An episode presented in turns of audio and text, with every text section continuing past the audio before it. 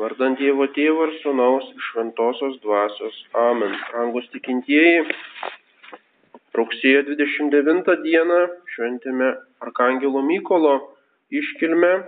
Spalio antrą dieną yra Angelų sargų šventė, spalio 24 dieną Arkangelo Rapolo šventė. Ir todėl visas spalio mėnuo yra pašvestas šventųjų angelų garbiai. Kas yra angelai? Šiandien beveik išnykęs pamaldumas jiems, jie laikomi tokiomis pasako būtybėmis arba mitiniais simboliais, nebetikima angelų realumu. Šventasis raštas vadina tas būtybės, vadina angeloj, graikiškai tai yra pasiuntiniai, nurodydamas į jų funkciją, ką jie atlieka, kokią užduotį Dievo duotą užduotį arba vadina juos dvasiomis. Tai yra dvasios, kadangi jos neturi kūno, jos yra dvasinės būtybės. Šventasis Augustinas tai trumpai apibrėžia. Klausi šios prigimties vardo, tai dvasia. Klausi jos paskirties, tai pasiuntinys.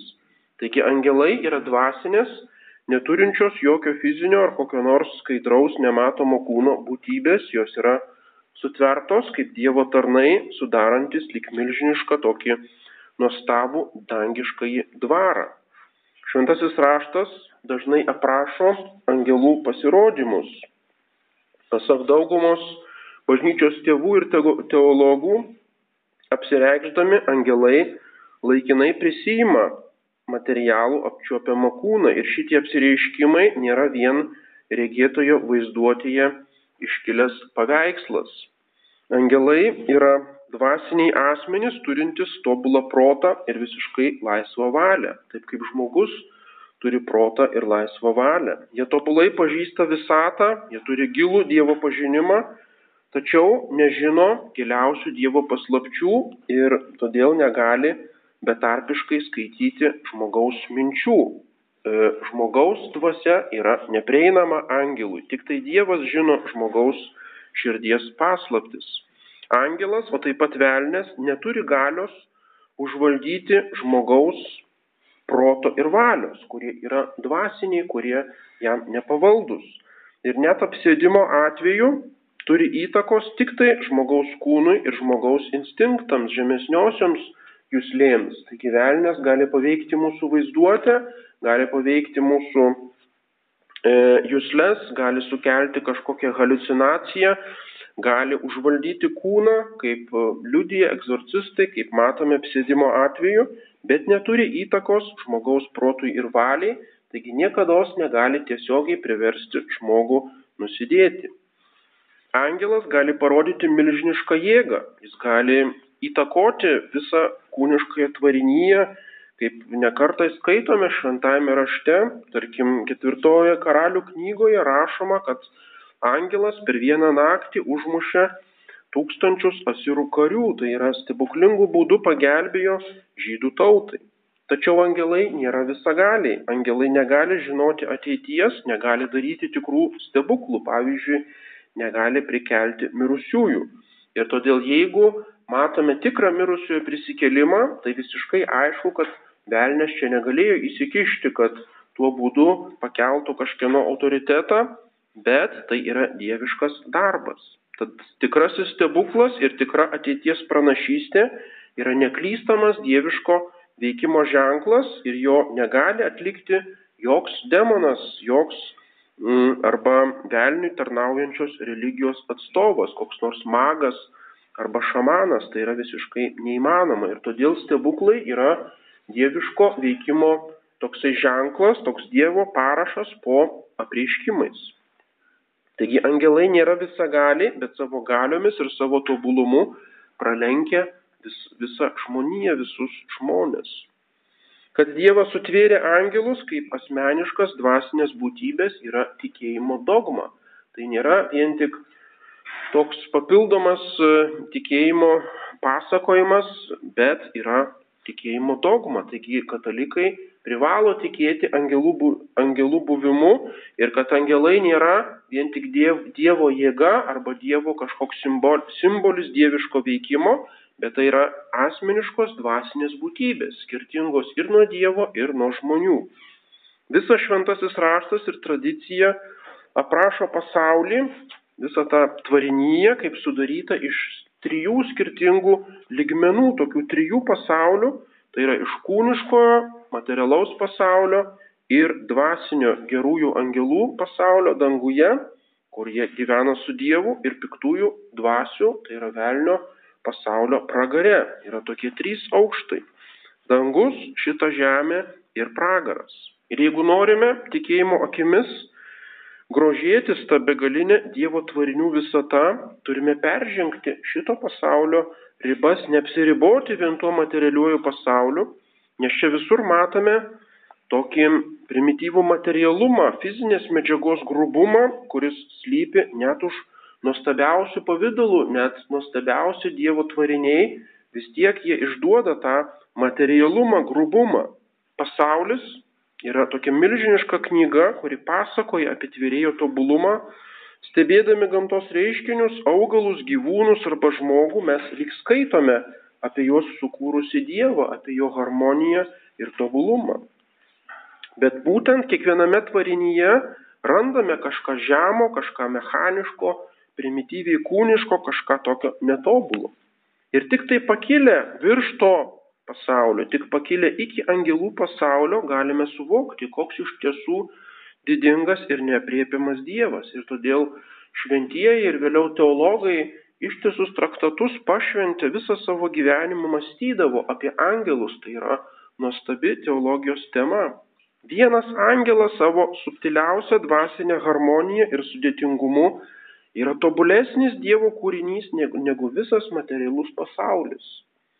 O angelų yra begalinis skaičius ir įvairovė. Ir todėl žmogiška vaizduotė nei iš tolo negali jos apimti jokiomis saukomis aprašyti, kas, kas tai yra tas angelų pasaulis.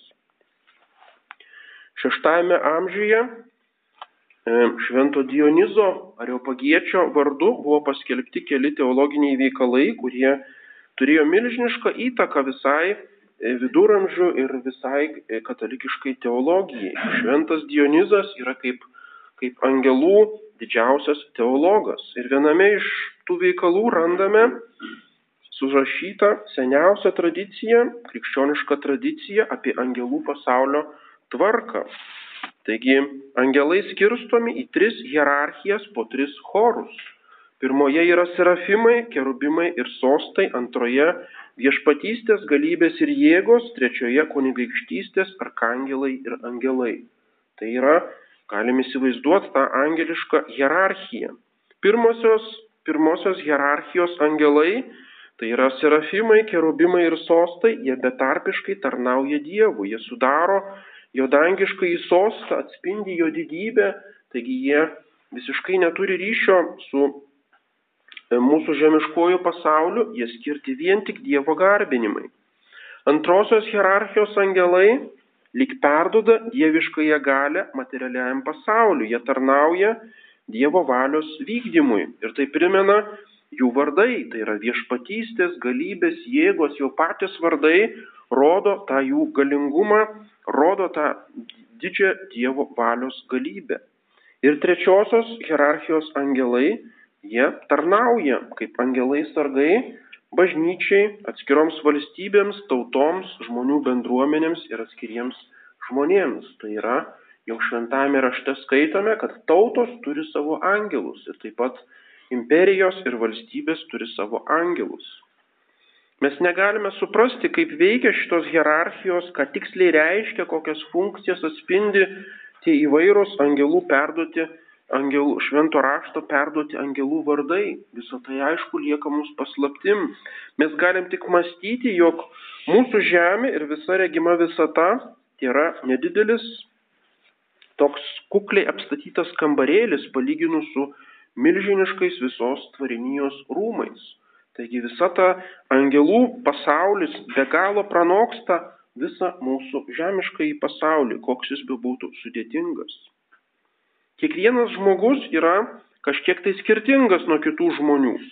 Tačiau visi žmonės priklauso vienai žmonių rūšiai. Ar tu būtum afrikietis, juodaodis, ar azijietis, ar europietis vis tiek visi priklauso vienai žmonių rūšiai. Nes skirtingumas tarp dviejų žmonių yra daug mažesnis negu skirtumas tarp žmonių ir gyvūnų. O štai šventasis Tomas Akvinietis ir teologai sako, kad angelai nesudaro bendros angelų rūšies. Tai reiškia, kad kiekvienas angelas yra toks unikalus ir toks skirtingas nuo visų kitų, kad jau savyje sudaro atskirą rūšį. Taigi skirtumas tarp dviejų angelų e, tai yra toks didžiulis kaip skirtumas tarp žmogaus ir kokios nors kitos gyvų, gyvūnų rūšies. Du angelai savo didybę ir sudėtingumu, savo protų, valios veikimo tokiu sudėtingumu, kompleksiškumu, harmonija toli pralenkia visą, visą žmoniją. O kiek tų angelų yra? Danieliaus knygoje Senajame testamente skaitome, Tūkstančių tūkstančiai jam tarnavo ir mirijadų mirijadai stovėjo priešais jį, tai yra priešais Dievą.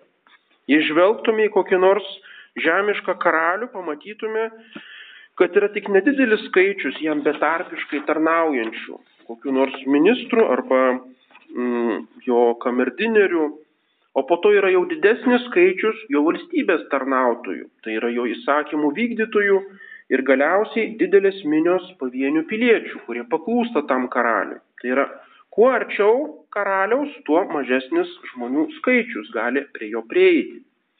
Karalius pats savyje yra silpnas žmogus. Jo įsakymams vykdyti reikia, reikia daugybės žmonių ir todėl jis negali, pavyzdžiui, 80 procentų savo valstybės piliečių paskirti vien savo sosto garbės asistentais, kad jie su livrėjomis ar su uniformomis tik tai jo garbę pabrėžtų, kad pasipuošę stovėtų šalia jo sosto, pabrėžtų jo didingumą.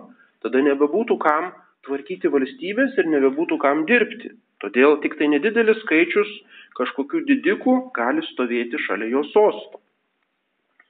Tačiau dangiškame Dievo dvare yra viskas atvirkščiai. Kuo arčiau Dievo, tuo didesnis skaičius jam tarnaujančių. Jau angelų, tai yra žemiausių, žemiausios e, hierarchijos angelų, yra daugiau negu visų žmonių. Arkangelų yra daugiau negu angelų. Kunigaikščiščių yra daugiau negu arkangelų ir taip toliau.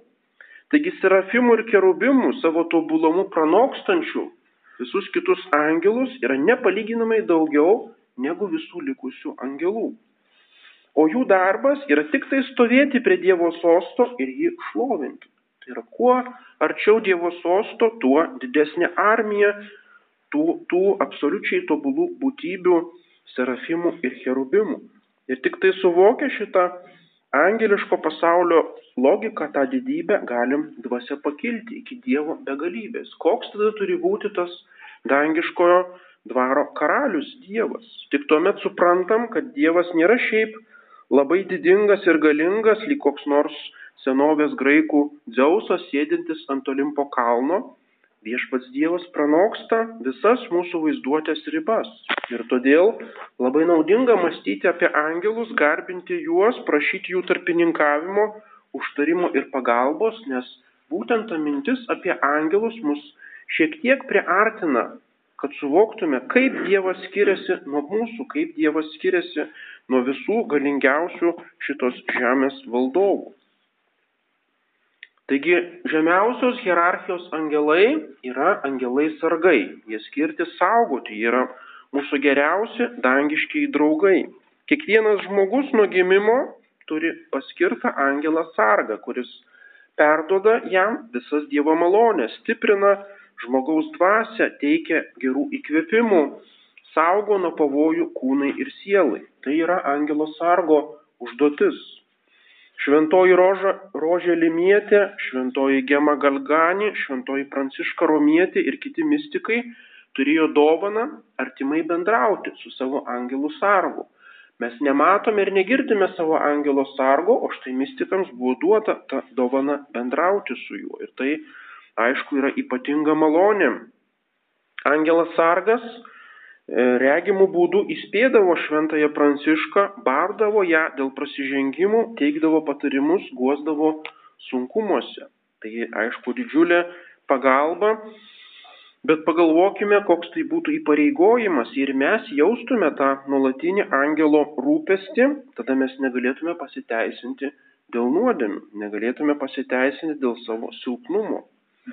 Mūsų bejėgiai sielai reikia gauti malonę, reikia tą malonę tinkamai pasiruošus priimti, reikia ją puoselėti su jos pagalba, vykdyti Dievo valią, reikia kovoti su pagundomis, įveikti begalę sunkumų ir tokiu būdu pasiekti amžinai išge, išganimą. Tai yra mūsų užduotis.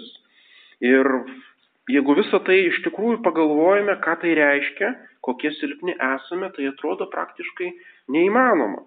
Tai lyg reikalauti iš vos paeinančio sergančio kūdikio nukeliauti į kokią nors tolimą šalį arba įveikti didelę armiją. Kaip mes galime pasipriešinti velniui, jeigu teologija mums sako, kad velnės yra daug klastingesnis, gudresnis ir stipresnis, stipresnis už mus. Tačiau būtent mums paskirtas vadovas. Mūsų išganimas nėra vien mūsų reikalas. Dievas trokšta išganyti kuo daugiau sielų ir tai padidinti savo garbę, o velnės trokšta kuo daugiau sielų pražudyti. Taigi mes dalyvaujame kažkokiame didesnėme dalyke, negu vien tik mūsų pastangos. Mūsų gyvenimas yra tik tai dalelė toje milžiniškoje kovoje tarp gerųjų angelų ginančių Dievo garbę ir velnių. Taigi mes esame įtraukti į didžiulį dvasin, dvasinę kovą, kuri prasidėjo dar prieš pasaulio sukūrimą šito materialaus pasaulio sukūrimą, kai dalis angelų nupuolė, kai atsisakė paklusti Dievo valiai ir tada arkangelas Mykolas ištrėmė jos iš dangaus ir tada prasidėjo tas, tas mūšis, tas, ta kova, į kurią mes esame įtraukti. Ir todėl galime įsivaizduoti, kaip kelis vargšus žmonės pagrobtus, tarkim, priešo armijos arba teroristų. Ką mes galime padaryti? Bet yra kažkokios galinga, galinga armija, kuri yra pasirengusi mus išvaduoti. Kiekvienos šalies geriausios armijos pajėgos su didžiausiamis pastangomis stengiasi mane išvaduoti, nes mano pagrobimas reiškia visos tos šalies pralaimėjimą ir paniekinimą. Taigi esu e, globoje tų angelų, nesu apleistas. Todėl turim bendradarbiauti su savo angelų sargu, turime klausyti jo įkvėpimų, nepasiduoti velnio pagundoms. Ne tik tai, kad išganytume savo sielą, bet kad prisidėtume prie visuotinės gėrio pergalės tame, tame kosminėme mūšyje.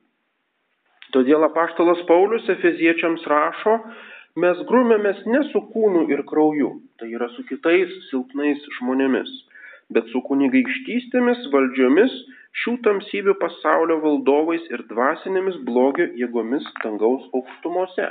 Tai yra dvasinis gyvenimas ir dvasinė kova. Todėl, jeigu paskaitom išėjimo knygoje, galima atkreipdėmėsi į tuos žodžius, ką Dievas sako Izraelio tautai, o kartu kiekvienam iš mūsų angelų sargų šventės skaitinyje Štai siunčiu aš angelą pirmą tavęs saugoti tave kelyje ir nuvesti į vietą, kurią parengiau. Būk jam atidus ir klausyk jo balso. Klausyk savo angelo sargo, kad nuvestų į vietą, kurią mums Dievas parengė, tai yra į dangų. Ir šiandien šis sekmadienis yra taip pat misijų diena. Ir melžiamės už tikėjimo skleidimą. Yra Atskiros mišios, atskira malda už tikėjimo skleidimą, už misijų sėkmę. Taip pat Švento Pijaus X brolyje vykdo misijas tose misijų kraštuose Afrikoje, Azijoje, kitur. Ir čia galime paklausti, ar galime sekti angelais, juk galime sekti šventaisiais, bet ar galime sekti angelais. Ir iš tikrųjų, jeigu pagalvojame apie misijas, tai taip ir yra. Mes visi esame tam tikrą prasme angeloj, tai yra pasiuntiniai. Mes esame lyg angelai pas savo artimus. Ir svarbiausia, ką galime jiems duoti, tai yra tą tikėjimo gerąją naujieną. Galime kažką pasakyti arba paliudyti apie savo tikėjimą. Todėl galime ne tik tai melstis už misionierius, melstis už kunigus arba vienuolius, kurie dirba misijose, bet kiekvienas būti šiek tiek misionieriumi, šiek tiek tokiu angelu sargu savo aplinkoje, paliudyti tą tikėjimą tiems žmonėms, su kuriais mus apvaizda suvedė ir tai yra kiekvieno prakrikštito žmogaus pareiga, prisiminkime šitą savo misiją. Amen. Vardant Dievo Tėvų ir Sūnaus ir Šventosios Dvasios. Amen.